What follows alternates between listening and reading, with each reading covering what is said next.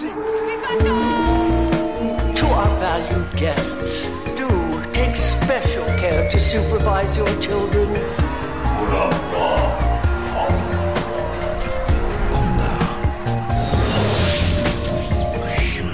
Het is weer ochtend in Pretparkland.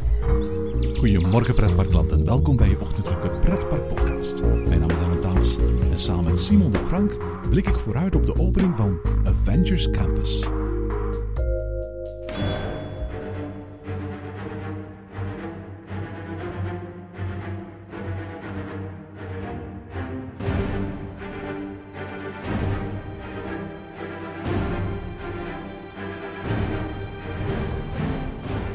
Goedemorgen Simon. Goedemorgen Erwin. Zeg Simon, de filosoof Seneca zei ooit: Een wijs man is iemand die weet wat hij niet kent. Een dom man is iemand die weet wat hij niet wil kennen. Ik heb altijd gezegd in de eerdere aflevering vanochtend in Pretparkland dat ik heel weinig afweet van Marvel. Maar dat wil niet zeggen dat ik er niets meer over wil leren. Want naarmate 20 juli dichterbij komt, wordt dat voor mij als pretparkliefhebber, als Disney-liefhebber ook steeds belangrijker. En daarom heb ik er eventjes jou bij gehaald, want jij weet alles van Marvel, hè? Ja, ik ben echt wel een hele grote fan van Marvel. Alle films gezien, alle series gezien, zelfs boeken achter de schermen gelezen. Dus eh, je bent aan het juiste adres, Erwin. Juist, en dat is ook wel nodig, want dat Marvel Universe, dat, dat in mijn ogen ooit relatief klein eh startte en, en eigenlijk vrij overzichtelijk startte, is de afgelopen jaren geëxplodeerd tot een, ja, mag ik wel zeggen, een multiverse, bij wijze van spreken. En voor mij als, als niet-kenner is het nog heel moeilijk om te weten van waar moet ik precies instappen, waar moet ik precies beginnen. En straks, als ik Avengers Campus in Walt Disney Studios bezoek en ook in Disney California Adventure, hoe ga ik hier aan beginnen om ooit de background story bij die attracties te kennen? En dat is eigenlijk een beetje de reden waarom we nu samen zitten. En eigenlijk willen we een soort van primer maken, een soort van eh, Marvel 101 voor die luisteraars die wel van plan zijn om binnenkort bijvoorbeeld naar Avengers Campus in Walt Disney Studios te gaan, maar die net zoals ik eigenlijk nog absoluut te beginnen zijn op het gebied van Marvel.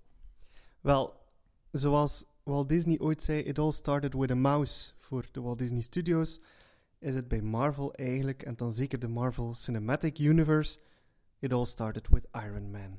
Alright, misschien voor we het over Iron Man hebben, wat is een cinematic universe? Een Cinematic Universe is eigenlijk een universum binnen films waarin verschillende personages een grote verhaallijn doormaken, maar ook apart nog eens verschillende kleinere verhaallijnen. Dus je kan bijvoorbeeld een film hebben van persoon A, een film van persoon B, en dat in de derde film persoon A en B samenkomen. Dat is eigenlijk de basis van een cinematic universe. Cine, daar hoor ik dus het woordje cinema in, dus bioscoop. Betekent dat dat dit vooral iets is van de, van de films van Marvel en minder iets van de comicstrips van Marvel? Want voor alle duidelijkheid, Marvel is ontstaan niet als een filmserie of een tv-serie, maar als een comicboekserie. Dat klopt. Dus de Marvel Cinematic Universe vertelt een verhaal dat eigenlijk losstaat van de comics. Dus de comics hebben aparte verhaallijnen.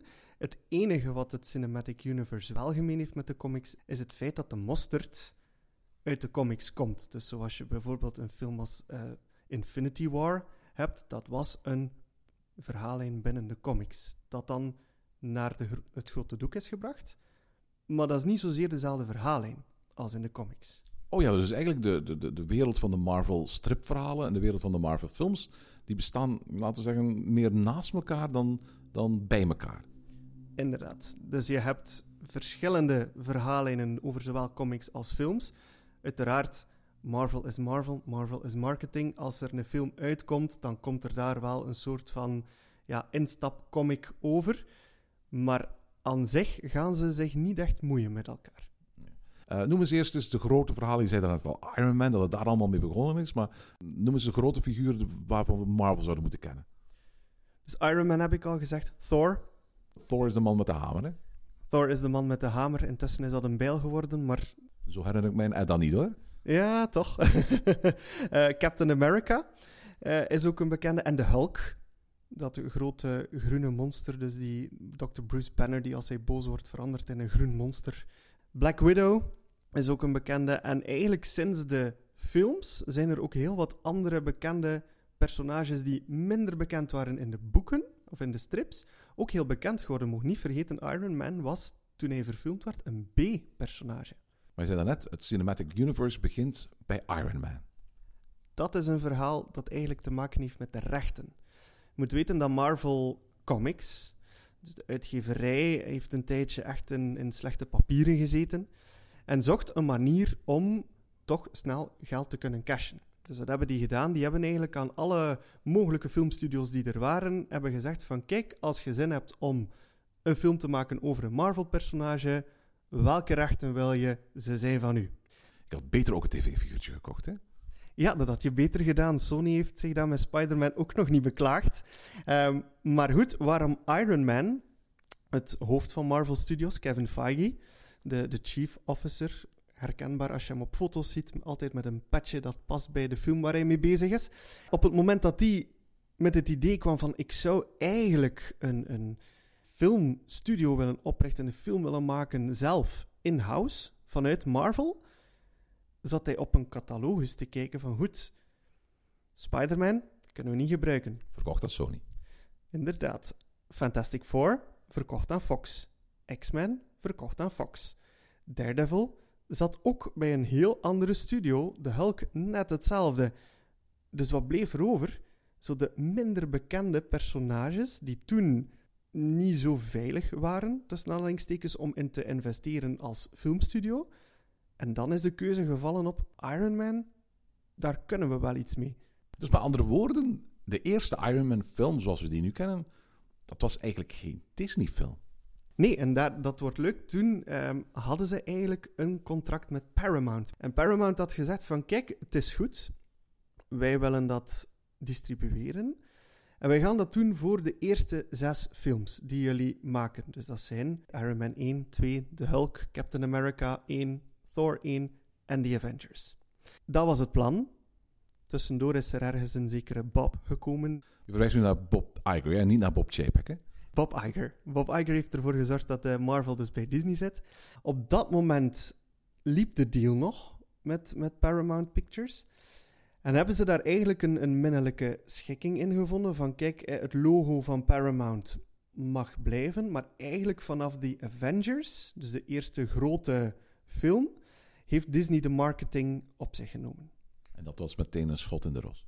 Dat was zeker een schot in de roos, want dat heeft eigenlijk alles in kruissnelheid gebracht. Nu, je vertelde net, er was een, was een periode waar Marvel bij zijn spreken geldnood had. En toen probeerden ze hun figuurtjes aan alle mogelijke productiestudio's te slijten. Dat is ook een beetje het geval voor hun pretparkrechten eigenlijk, hè? Zeker, want dat is ook de reden waarom er in Walt Disney World geen Avengers Campus kan komen, omdat de rechten op die, de pretparkrechten tenminste, op die figuren zit bij de concurrentie bij Universal. Daardoor ben ik al verschillende keren in Islands of Adventure en Universal in Orlando op het Marvel Superhero Island geweest, waar die geweldige Dark Ride van, van, van Spider-Man staat, waar die geweldige Hulk coaster staat bijvoorbeeld. Maar vooral duidelijkheid, dat, dat zijn dus niet de figuren die we kennen uit de films. Dat is niet de Spider-Man uit, uit de films, maar dat is, dat is de comic book variant ervan, hè?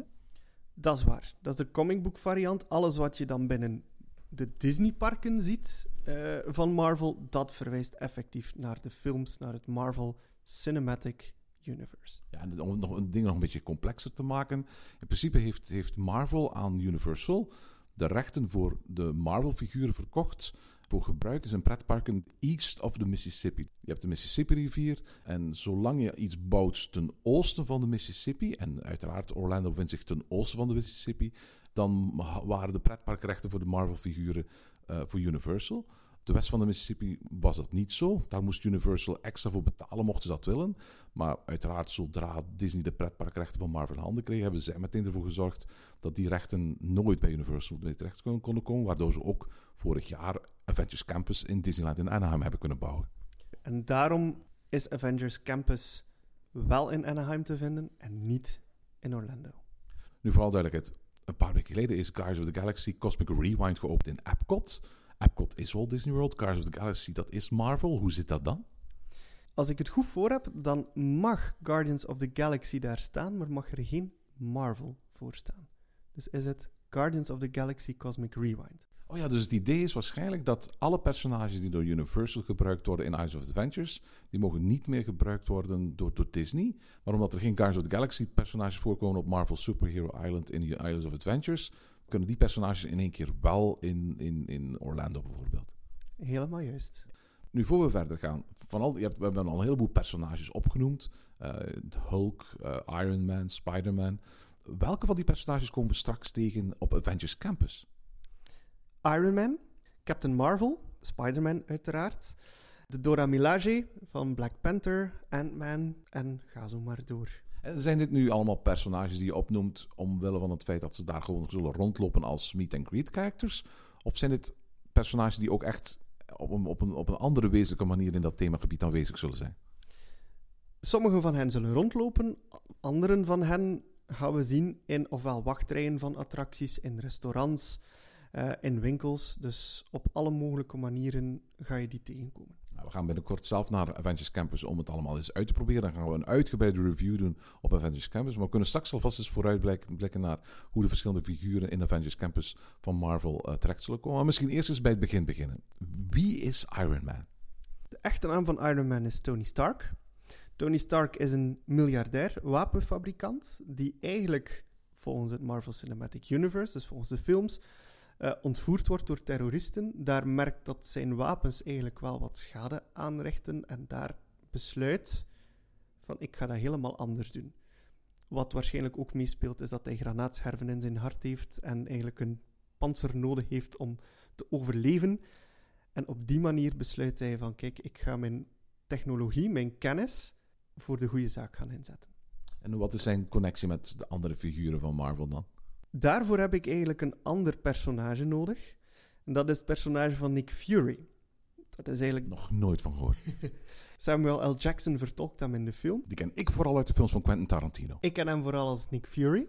En in het Marvel Cinematic Universe is hij Nick Fury, het hoofd van S.H.I.E.L.D. En S.H.I.E.L.D. is eigenlijk een soort geheime organisatie, een geheime spionnenorganisatie, die ervoor zorgt dat alles in de wereld een beetje goed loopt. Wat heeft die organisatie te maken met Iron Man? Wel, het idee van Shield en vooral van Nick Fury was: wij als Shield, wij lossen problemen op. Daar zijn wij voor opgeleid. Maar wat als er een probleem opduikt dat wij niet kunnen oplossen? Dan hebben wij iets of iemand nodig, groter dan onszelf, veel sterker dan onszelf, die dat probleem voor ons even gaat oplossen, die de oorlogen gaat winnen die wij niet kunnen winnen. En op het einde van Iron Man 1 komt Nick Fury bij Tony Stark langs en zegt hij van kijk, we moeten eens praten over het Avengers Initiative. Zeg, we hadden eigenlijk moeten opmerken aan het begin van deze aflevering dat er spoilers gingen komen in deze uitzending. Uh, maar ik vermoed dat de meeste luisteraars die niks afweten en hier een primer willen weten, wel gaan snappen dat we moeilijk iets kunnen vertellen over hoe het Marvel Cinematic Universe in elkaar zit, zonder ook echt belangrijke sleutelmomenten in, in het verhaal te gaan verraden natuurlijk. Hè? Ja, het, het is heel moeilijk om dingen te gaan uitleggen zonder, zoals je zegt, te spoilen. Goed, als je op dit moment nog die 20 plus Marvel films niet gezien hebt, maar toch deze aflevering beluistert, is het waarschijnlijk omdat je nood hebt aan een soort van korte samenvatting. Hè? Voilà, inderdaad. En het voordeel is, het bespaart u dan ook gewoon heel veel tijd uit. Alright, Stark Enterprises, Shield, en nu komt iets nieuws: The Avengers Initiative. Inderdaad. Een, een initiatief om ervoor te zorgen dat er dus een soort van selecte groep personen is die de buitenaardse problemen gaat oplossen. Iron Man werd daarvoor benaderd, heeft vriendelijk geweigerd. Oké. Dat betert, hè, voor de mensen die het nog niet hebben gezien. Hij wordt toffer. Maar naarmate die films vorderen, worden er ook telkens nieuwe personages opgevoerd. En komt die Nick Fury eigenlijk telkens terug. Dus op die manier hadden echte diehard fans van de Marvel Comics al door van hier is iets aan de hand. Juist, dan mag ik dus zo samenvatten. Iron Man is het begin, daarna komen die, die, die films van, van de Hulk, van Thor en van Captain America. En daarna komt die Avengers film, waarin je bij wijze van spreken die vier hoofdpersonages uit de vorige films samen iets ziet doen. Met dat verschil dat er zes zijn. Oké, om het moeilijk te maken? ja, want in de tweede Iron Man film wordt het personage van Black Widow, gespeeld door Scarlett Johansson, die een nogal bijzondere relatie heeft met Disney de voorbije jaren. Daar hebben we nog over gehad, inderdaad. Die mag nu toch die Tower of Terror film maken, hè? Klopt. Maar zij speelt dus Black Widow. Uh, zij kwam tevoorschijn in Iron Man 2 en in de eerste Thor-film kwam Hawkeye. Iemand die met pijl en boog schiet. Een soort, een soort Marvel-versie van Robin Hood. Inderdaad. Nu vooral duidelijk, de periode waar je nu over spreekt, dat is pakweg 10, 15 jaar geleden of zo. En sindsdien is er nogal wat gebeurd. Er zijn heel veel personages bijgekomen. Ik ga ze in sneltreinvaart eventjes opsommen. Dus de Guardians of the Galaxy, waar we het daar net over hebben gehad, met een coaster in Epcot. Ja, en een, een Tower of Terror in, eh, in Disney California Adventure. Wel, als ik zei dat Iron Man een B-personage was, dan zijn de Guardians of the Galaxy zo rang C. Niet meer waarschijnlijk. Nee, zeker niet. Dat was dat ergens in een uithoek van Marvel Comics. Maar goed, de, de, de creatieve drang bij Marvel Studios was zo groot van wij willen een soort onze eigen spin op Star Wars maken. Van we gaan dat proberen met Guardians of the Galaxy te doen. Maar het is een gok die heel goed is uitgedraaid, waardoor de Guardians of the Galaxy van een C-karakter eigenlijk naar top of the bill zijn geëvolueerd. En, en ook voor pretparken natuurlijk heel goed nieuws. Want dat betekent in één keer dat Disney succesvolle Marvel-personages in handen had, waarmee ze eigenlijk ook attracties in bijvoorbeeld Walt Disney World mochten bouwen. En later is daar dan nog Doctor Strange bijgekomen, wordt, ge- wordt gespeeld door Benedict Cumberbatch. Ehm, Je, zegt het ook op zijn Sherlock Holmes, hè? ja, hij speelt ook Sherlock Holmes. Ja.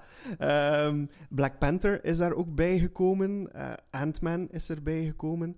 Captain Marvel is daarbij gekomen. En, wat dan een grote verrassing was voor velen, ook Spider-Man, rechten bij Sony, maakt deel uit van het Marvel Cinematic Universe. En dat moet je me eventjes uitleggen. Dus op een bepaald moment heeft Bob Iger koffie gaan drinken met, met, met Kevin Feige. Heeft gezegd van, kunnen we die films waarmee je bezig bent niet binnentrekken in de Disney-stal? Op de een of andere manier is hij daarin geslaagd. Want op een bepaald moment werd het Marvel Cinematic Universe het Disney Marvel Cinematic Universe. Maar daar maakte Spider-Man nooit deel van uit. Maar Kevin Feige, de baas van Marvel Studios, die is zijn carrière eigenlijk gestart bij de originele Spider-Man-film van Sam Raimi. En die heeft altijd met het idee gezeten van, "Goh, ik zou toch heel graag Spider-Man, Peter Parker, laten interageren met die figuren die wij hebben. Het is ook een beetje, denk ik, de, de, de instap Marvel-figuur. Ik denk dat de gemiddelde vier, vijfjarige jongen, bij wijze van spreken, van alle Marvel-figuren wellicht als eerste de Spider-Man-figuur leert kennen en adoreert. Inderdaad. Dus wat heeft Kevin Feige gedaan? Die heeft met de toenmalige baas van Sony, Amy Pascal, een meeting belegd. En heeft dat daar terloops eens laten vallen. Daar komt dan nog bij dat Sony op dat moment met hun eigen tweede trilogie bezig was, die Amazing Spider-Man. En dat die tweede Spider-Man-film van die tweede trilogie niet zo succesvol was als ze hadden gehoopt. Vooral dat je zegt nu van Sony, en dat, dat klinkt bij ons als liefhebbers van pretparken, want dit is uiteraard ook in pretparkland als een soort, soort, soort wij spreken, derde hond die met het been wegloopt. Maar voor alle duidelijkheid, tot op vandaag is Sony de nummer één filmstudio ter wereld. Hè. De, de, de omzetten vorig jaar van Sony Pictures waren groter dan Disney. Disney is de nummer twee en groter dan Universal op verre afstand. Maar Sony is tot op vandaag de grootste filmstudio ter wereld. Hè. En wat heeft Sony op dat moment beslist? Of na lang babbelen natuurlijk. Het is niet zo dat ze met een knip van een vinger, pun intended. eh, Die snap ik niet. de echte Marvel-fans gaan dat snappen, Erwin. Oké, oké, oké. Ik hoor het al. Ik ga weer bij van spreken 50 films moeten bekijken voor ik mijn eigen podcast snap. Laat ons zeggen dat er ergens in een van de films een slechterik met zijn vingers knipt. Alright, maar dus Amy Pascal ook. Amy Pascal ook. En die heeft eh, dan eigenlijk mede door het financiële verlies van die tweede Spider-Man-film gezegd van oké, laat het ons doen. Jullie mogen creatief met Spider-Man doen wat jullie willen. In ruil daarvoor krijgen wij alle opbrengsten. Dat klinkt niet als een goede deal voor Disney. Voor Disney was dat misschien een minder goede deal. Voor Marvel Studios was dat een zeer goede zet. Want op die manier konden zij de verhalen vertellen die ze eigenlijk in gedachten hadden. Als, als, er, als er nu zo'n Spider-Man-film in de zalen komt, dan verdient Disney daar niks mee. Alle opbrengsten zijn voor Sony. In ruil daarvoor, binnen hun films van, van Sony dan, was het voor Sony ook wel handig, want op die manier hadden zij ook een beetje toegang tot die waanzinnig populaire figuren uit het Cinematic Universe. Zo zit bijvoorbeeld in de eerste Spider-Man film, Spider-Man Homecoming, doet Iron Man mee. Maar goed, goed dat, dat is een figuurtje dat op dat moment van, van Disney was. Dus wel even van Marvel, maar Marvel is eigenlijk nog van Disney. Daar verdient op dat moment Sony niks mee. Onrechtstreeks wel. Want je hebt natuurlijk heel veel fans van Iron Man die zeggen van... Ah, oké, Spider-Man en Iron Man in één film, dat willen we zien. Dus die gaan kaartjes kopen. En op die manier rinkelt de kassa dat weer wel voor Sony. Oké, en een deeltje van, van de kassa gaat misschien toch afgestaan moeten worden, omdat ook Iron Man meedoet aan die film. Inderdaad. En dat is dan net het lepen slash creatieve wat Marvel Studios daar heeft gedaan. Alright, nu je hebt daar in sneltreinvaart een aantal personages genoemd. Kun je eens kort vertellen wat die personages allemaal te betekenen hebben, of wat hun speciale krachten zijn in het universum? Wie of wat is uh, Black Panther, wie of wat is Doctor Strange en wat doen ze daar allemaal? Doctor Strange is eigenlijk een meester van de mystieke kunsten. Een soort Hans Klok. Ja, maar dan met een rode cape en met uh, heel veel vreemde creaturen in zijn buurt. Hij kan portalen maken waardoor hij van de ene plek op aarde naar de andere kan. Hij kan verschillende realiteiten binnengaan. Dus eigenlijk alles wat een beetje mindbending is, dat is Doctor Strange. Ant-Man is dan een figuurtje dat zichzelf heel klein ofwel heel groot kan maken. Ja, ik ken Ant-Man, omdat dat is een van de weinige films die ik ooit gezien heb, omdat ik die soundtrack en met name ook het thema van Christopher Peck zo fantastisch mooi vind. Uh, en ik ben een hele grote filmmuziekliefhebber. En een aantal uh, films van, van het Marvel Universe, niet allemaal, maar een aantal hebben toch echt wel fantastische soundtracks opgeleverd. En die van Ant-Man vind ik echt fantastisch. Niet gelogen, maar het deuntje van Ant-Man, het themaliedje, is een liedje waarop ik mezelf op een doodmoment betrap van het meten neurien. Ja, dus ik, ik, ik, denk ook echt dat het het beste thema is dat al door Marvel is, is voortgebracht na het thema van de Avengers. Ja, dat is dat stampende muziekje van, van, van Alan Sylvester dat je overal hoort. Nu, Michael Giacchino heeft ook een trainingthema gemaakt voor Spider-Man dat ik ook best wel kan appreciëren. Absoluut. Michael Giacchino is uh, onder andere componist van de Spider-Man films en ook van de eerste Doctor Strange film. Het is raar dat ik de soundtracks van, van die films beter ken dan uh, de film zelf. Maar inderdaad, het, het Avengers thema van, van, uh, van Alan Sylvester is, is inderdaad echt, echt geweldig. Hoor je dat dan ook vaak? Komt dat vaak terug in die films? Nee? Want, ik moet eerlijk toegeven, van, van, op veel van die soundtracks van Marvel hoor je wel de muziek van, wijze van spreken, die ene figuur, maar weinig thema's uit andere films. Het hangt ervan af. In de laatste twee Avengers-films is het heel bewust gedaan dat het Avengers-thema, dat glorieuze, pompeuze thema, komt niet zo heel vaak voor. En dat was een bewuste keuze van de componist, omdat het eigenlijk het verhaal het beste diende door het niet zoveel te gebruiken. De twee laatste Avengers-films liever zijn niet zo positief als ze klinken. De componist vond het dan ook niet opportun om dat thema heel veel te gebruiken. Black Panther dan? Black Panther is een koning van een fictief koninkrijk Wakanda. Dat bevindt zich ergens in het midden van Afrika is ook een van de eerste Marvel-films die ooit Oscars heeft gewonnen. Ja, die leeft dus in een koninkrijk dat voor de buitenwereld heel arm lijkt, maar eigenlijk is dat allemaal een dekmantel zijn die technologisch revolutionairder dan wij eigenlijk zijn. op uitgelekte plannen voor een toekomstige uitbreiding van het Disneyland Resort in Anaheim stond al een, een soort van uh, Wakanda-themagebied ingetekend. Dus mogelijkerwijze gaan we daar nog wel meer van zien in de parken. En er zijn ook lange tijd geruchten geweest dat ook voor Walt Disney World een soort Wakanda-uitbreiding zou komen. Het zij in Epcot, uh, het zij in Animal Kingdom. We gaan nog zien uh, of dat gebeurt of niet. Maar, maar in elk geval, um, het is niet meer voor de hand liggend om daar nog, nog, nog zomaar een vervolg op te maken op die film natuurlijk. Hè? Nee, want de oorspronkelijke Black Panther, Chadwick Boseman, is, ja, zal in augustus twee jaar geleden overleden zijn. Dus dat was wel ergens een, een groot probleem voor Marvel omdat die al bezig waren met de, het schrijven van de sequel, die eigenlijk dit najaar uitkomt. Dus die hebben eigenlijk op heel korte termijn, in, in midden de coronapandemie, een, een volledig nieuw scenario moeten schrijven. Alright, maar dus eigenlijk zijn al die figuren die we nu genoemd hebben, min of meer losstaande figuren die elk een hero-movies hebben. En dan af en toe eens in elkaars films opduiken, bij wijze van promo-stunt en tegelijkertijd om het verhaal een beetje verder te drijven. Die dan af en toe eens helemaal gezamenlijk terugkeren in Avengers-films. Zeg ik het nu goed? Dat zeg je helemaal juist, Erwin. Goed opgelet. Ah, ik ben de beste leerling van de klas. Maar ook de enige natuurlijk. We hebben veel luisteraars. Die zijn ongetwijfeld ook allemaal mee. Hè? Absoluut, absoluut. Nu, nog een ander belangrijk personage dat ik nog niet heb vernoemd is Wanda Maximoff. Ik moet denken nu aan die, die Disney Plus-serie WandaVision. Zeer goed. Heb ik niet gezien hoor, maar dat stond daar altijd bovenaan bij die tegeltjes telkens ik naar iets anders zou gaan kijken.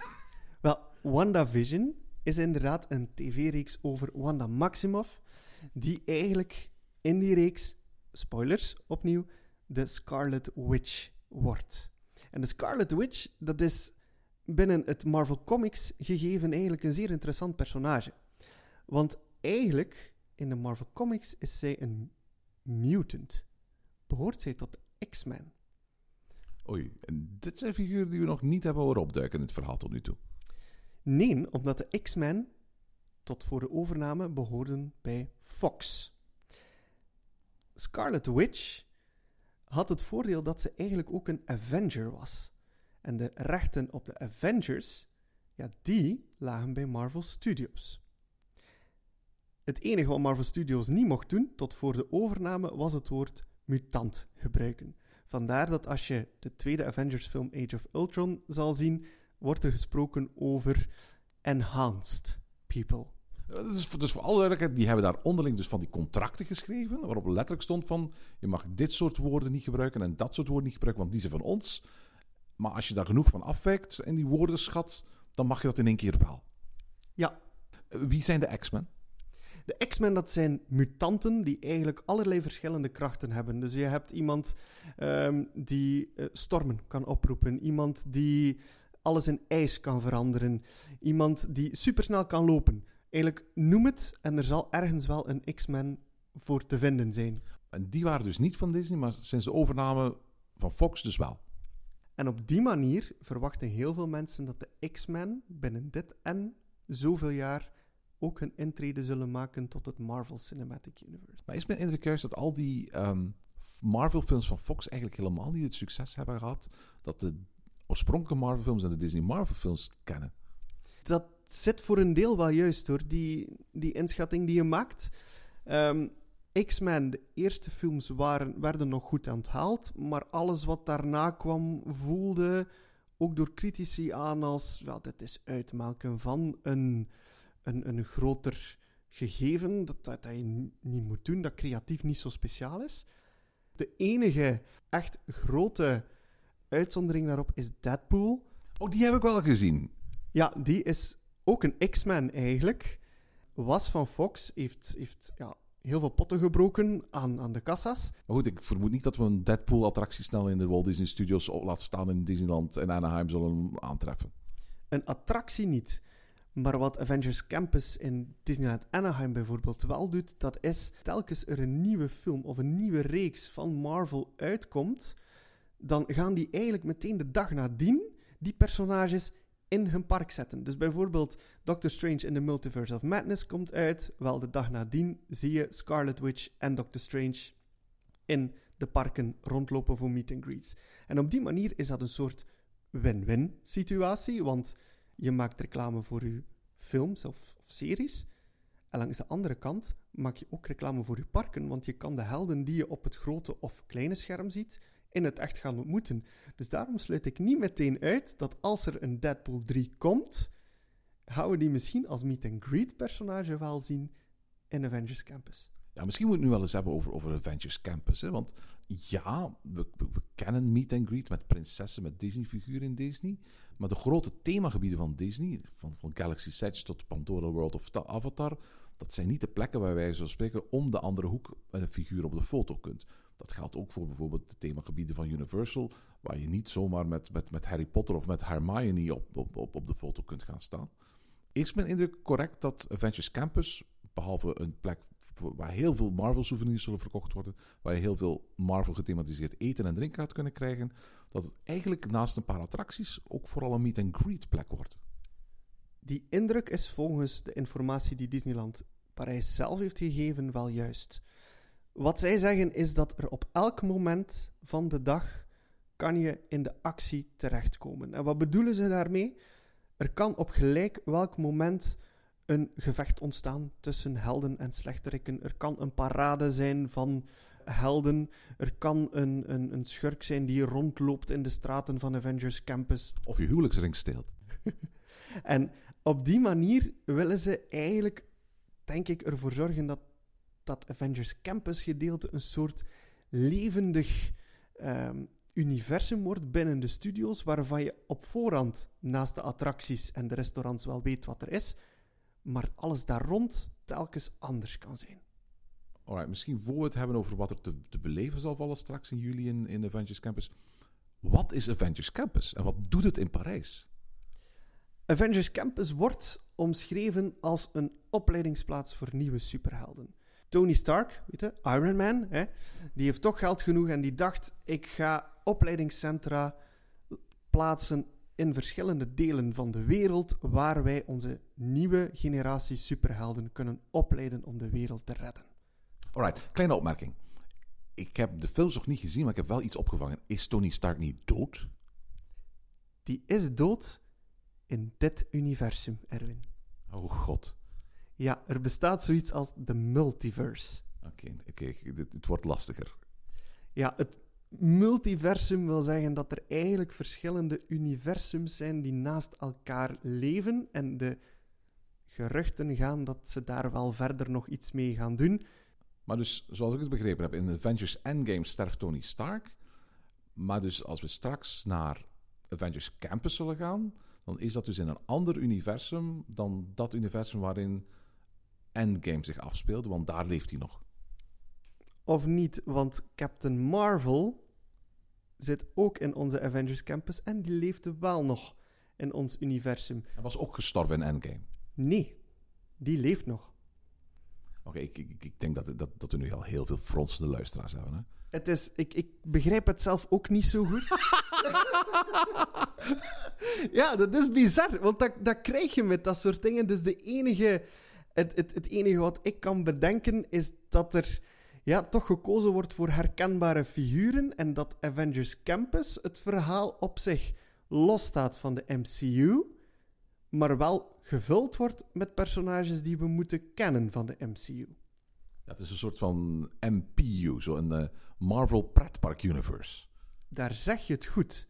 Want het is de bedoeling dat er nog een derde Avengers Campus komt in Hongkong. En dat de drie campussen, dus zowel Parijs, Hongkong als Anaheim, dan op de een of andere manier met elkaar in verbinding zullen staan. Ja, want voor alle duidelijkheid, er was al een Guardians of the Galaxy attractie in Disneyland in Anaheim. De Tower of Terror is daar omgebouwd tot Guardians of the Galaxy Mission Breakout. Toen hebben ze daar vorig jaar Avengers Campus geopend, waarbij een Dark Ride eigenlijk toegevoegd werd aan het Marvel aanbod. Eh, Spider-Man Web Slingers, een interactieve Dark Ride die wij straks ook krijgen in Parijs onder de naam Spider-Man Web Adventures. Maar ook in Hongkong waren al een aantal Marvel attracties aanwezig. Hè? Ja, in Hongkong heb je bijvoorbeeld al Ant-Man and the Wasp Nano Battle. En dat is hun versie van Buzz Lightyear. Hè? Klopt. En er is ook een Marvel-versie van, van, van Star Tours eigenlijk, met hetzelfde soort ritssysteem. En dat is dan gethematiseerd naar Iron Man. Helemaal juist. Over al duidelijkheid, officieel in Hongkong is er nog geen sprake van Avengers Campus. Nee, de officiële benaming Avengers Campus is nog niet in gebruik in Hongkong. Goed, dat gaat misschien nog komen. Misschien gaan ze van de gelegenheid gebruik maken om daar nog eens een attractie aan toe te voegen of zo, wie weet. Maar goed, straks hebben we dus drie Avengers Campus themagebieden. Eén in Californië, eentje straks in Parijs. Vanaf 20 juli gaat dat officieel openen. En eentje dat nog moet openen, maar dat nog niet officieel is aangekondigd in Hongkong. En dan laat ik eventjes Marvel Superhero Island in, in Adventures rusten. En dan heb ik het ook eventjes niet over de, de Marvel-attracties in ehm, de parken in Abu Dhabi en Dubai. Daar hebben ze ook een aantal licenties eh, verkocht aan die parken. Maar nog de Universal licenties, nog de, de Emiraten licenties passen eigenlijk in het Avengers Campus verhaal dat we hier vandaag proberen te vertellen. Dus daar gaan we het nu niet over hebben. En straks opent in Parijs dus eigenlijk onze versie van Avengers Campus met twee attracties. En eentje daarvan kennen we eigenlijk al. Klopt, dat is de Rock and Roller Coaster. Maar die wordt niet meer de Rock and Roller Coaster genoemd. Die wordt nu Avengers Assemble Flight Force. En daarin zullen we Iron Man en Captain Marvel zien. Ja, Iron Man komt er naar het schijnt in de vorm van een grote animatronic. Waarschijnlijk een van de meest spectaculaire animatronics van heel Disneyland Parijs. Eh, en die, die, die zou naar alle waarschijnlijk in de, in, de, in de wachtrij komen, in de voorshow. Zoals je vroeger die Iris pr- voorshow had, hè? Die vinden we inderdaad in de voorshow terug. En er gaan ook geruchten dat Captain Marvel herself, zijnde Brie Larson, de actrice die Captain Marvel speelt, ook te zien zal zijn. Ofwel in een voorshow, ofwel tijdens de rit zelf. En wat wordt het verhaal van die attractie? Het verhaal is eigenlijk dat er een vijandig ruimteschip van de Kree de aarde probeert aan te vallen. Van de wie? De Kree. Dat is een ruimtevolk, blauw en, en De Navi. maar dan ietsje vijandiger. Oké, oké, oké. Eh, die proberen dus de, de aarde binnen te vallen en Iron Man heeft onze hulp nodig om samen met Captain Marvel de vijandige schepen eigenlijk weg te leiden van de aarde. Zeg, in al die, die reclameuitingen van Avengers Campus zie ik ze altijd zo heel erg gewichtig doen over zo'n ruimteschip dat daar staat. De Quinjet, als ik me niet vergis. Wat voor, van, van, van wie is dat schip en wat staat er daar te doen? De Quinjet is eigenlijk het symbool van de Avengers. Is eigenlijk hun schip en is oorspronkelijk van S.H.I.E.L.D. En eigenlijk in alle Marvel-films, als er gevlogen wordt op aarde, wordt er wel een Quinjet gebruikt. Dus het was natuurlijk wel heel fijn om te weten dat die Quinjet ook naar Parijs kwam. En eigenlijk is de filosofie erachter, de Quinjet staat op het platform, dus de Avengers zijn in de buurt. Daarnaast is er ook een Dark Ride. We hebben het daar net al over gehad. Die Spider-Man Dark Ride. Niet die geweldige Spider-Man Dark Ride uit Eyes of Adventures, maar een, een soort interactieve attractie. eh, Spider-Man Web Adventures. Eh, wat is daar het verhaal achter? Het verhaal is dat er eh, een klein probleempje is met de Spider-Bots. Zijn... Komt, het- komt het uit de film? Nee, dat is volledig uit de pretparken, komt dat. Ehm, dus het gaat er eigenlijk over dat Spider-Man aan, aan, aan Spider-Bots aan het werken was, maar dat er een klein programmeerfoutje is gebeurd, waardoor die Spider-Bots eigenlijk op vernietigen staan. Dus wij moeten als bezoekers er eigenlijk voor zorgen dat er zoveel mogelijk Spider-Bots vernietigd worden, voor zij de campus gaan vernietigen. Eigenlijk is het een soort van, van Moses Chocola of Challenge of Tutankhamun of Popcorn Revenge. Maar in plaats van dat je pistooltjes hebt, werkt het met handbewegingen. Inderdaad, zodanig dat je net als Spider-Man webben uit je handen kan schieten. En als dat te moeilijk is, dan kan je altijd in de nabijgelegen shop gaan om upgrades te kopen. Ja, ja, ja, ja. Het is niet, is niet. Waarvan ik mij trouwens afvraag of dit echt wel iets is. De kans dat je binnen afzienbare tijd die attractie meer dan één keer op een dag zult kunnen doen. Je zult die kunnen res- reserveren, maar het systeem dat Disney hanteert laat je maar toe om een attractie één keer per dag te reserveren. Dus met andere woorden, als je, als je, als je die attractie één keer doet, dan ga je die eerste keer wellicht nog niet weten dat je die upgrade kunt kopen. Of ga je die in elk geval eerst keer zien van is het de moeite waard om zo'n duur ding van 50, 60 dollar erbij te gaan kopen. Dus het aantal mensen dat daarna gaan beslissen van ik ga die toch nog kopen, dat zijn misschien hoogstens abonnementhouders. Maar goed, die kunnen toch nog maar amper reservaties scoren in Parijs. Dus ook, ook, ook, zij vallen een beetje buiten de boot. Ja, spreek het woord reservaties niet uit, waar abonnementhouders bij zijn. Juist, ik zeg. Ik zeg. Ik stel mij diezelfde vraag, maar het feit dat ze dit in Anaheim al doen en dat het toch naar Parijs overkomt, is misschien wel een teken dat ze het willen proberen en dat het in Anaheim toch wel verkoopt. Spider-Man is gebouwd op de plek waar vroeger Armageddon stond. Maar ik zie op de plattegrond nog een ander groot gebouw. Wat is dat? Dat is het Hero Training Center, Erwin. En daar kan je meet and greets binnen doen met Spider-Man, Iron Man of Captain Marvel. Dus echt gewoon op de foto gaan. Gewoon op de foto gaan wordt het blijkbaar niet, want het wordt aan de hand van een heel aantal camera's nemen ze een foto waardoor je een soort actiefoto hebt met je superheld. Alright, het klinkt bijna als een soort van upcharge beleving waar je eigenlijk alleen maar iets aan hebt als je ook die fotopas van Disney koopt. Op zich niet, maar je moet wel, en daar is het woordje weer, reserveren. Ah, oké. Toch niet met die vervloekte Limeberty app, hè? Het schijnt van wel. Dat is onbegrijpelijk. Dat is onbegrijpelijk. Dat is, ik heb die een paar keer gebruikt om, om dingen te kunnen doen in Disneyland in Parijs. En dat is de, de meest vervelende app die je maar kunt denken. En je snapt niet, als je, als je ziet wat ze in Disneyland Anaheim en in Walt Disney World kunnen doen met een eigen app, waarom Disneyland Parijs steeds weer naar die externe app, ook voor bijvoorbeeld de aankoop van een pin of bepaalde souvenirs, blijft teruggrijpen. Dat is onverklaarbaar. En ik vrees dat we het antwoord op die vraag nooit gaan weten. Maar we kunnen alleen maar hopen dat iemand binnen het beleid van Disneyland Parijs het licht ziet en denkt: Line weg ermee. Eh, je gaat ook kunnen eten en drinken in het eh, themagebied natuurlijk. Klopt, er komen eh, twee grote restaurants, Pim's Test Kitchen en de Stark Factory. Alright. Pim's Test Kitchen, dat is het restaurant waar heel veel rond te doen was toen, toen, toen Adventures Campus in California Adventure opende. Eh, want daar kon je allerlei verkleinde en vergrote eh, gerechten kopen. Dat wordt hier een buffet. Wie of wat is Pim? Hank Pym is de originele Ant-Man. Wordt in de films gespeeld door Michael Douglas. En die heeft eigenlijk een soort van formule ontwikkeld waardoor hij zichzelf dus heel klein of heel groot kan maken. En het leuke aan het restaurant Pim's Test Kitchen is dat er eigenlijk, volgens het verhaal, geëxperimenteerd wordt met ja, grote pretzels, kleine burgers. En dat wordt hier, zoals eh, zo op zoveel plaatsen in, in Disneyland Parijs, een groot buffetrestaurant. Het was ook voor de Star al een buffetrestaurant, dus eigenlijk wordt gewoon dat restaurant verder gezet. En daarnaast was vroeger het Packlot Express. En daar was vroeger al iets van Iron Man of van Marvel aanwezig. Hè? Ja, maar dat was nog op de oude studios manier. We willen het restaurant een beetje pimpen. Iron Man is populair, dus we hangen een grote poster van Iron Man aan de muur. Ja, dat is een beetje een restaurant waar men af en toe eens de, de films die op dat moment goed scoorden in de andere aandacht wou brengen. Ik herinner mij een gedeelte, een zitgedeelte rond Pirates of the Caribbean. Een tijd lang was, was het grote hoofdgedeelte bij de kassa's gethematiseerd naar de High School Musical films. En toen, toen is er ook voor een tijdje gekozen om wat Marvel figuren met hun kostuums of zo daar, daar te plaatsen. Hè? Helemaal waar. En nu krijgt dat restaurant een echte upgrade, wordt dat Stark Factory. Het blijft een counterservice restaurant, maar nu met pizza's, pastas en salades. En het idee is daar dat dat eigenlijk een soort fabriek is waar superhelden hun nieuwste snufjes laten maken. Dus je komt eigenlijk in een ruimte terecht ja, waar onafgewerkte Iron Man harnassen hangen en zo. Dus dat is een beetje het principe ervan. Sinds de overname van Disneyland Parijs door de Walt Disney Company eh, zijn een boel dingen erop vooruit gegaan.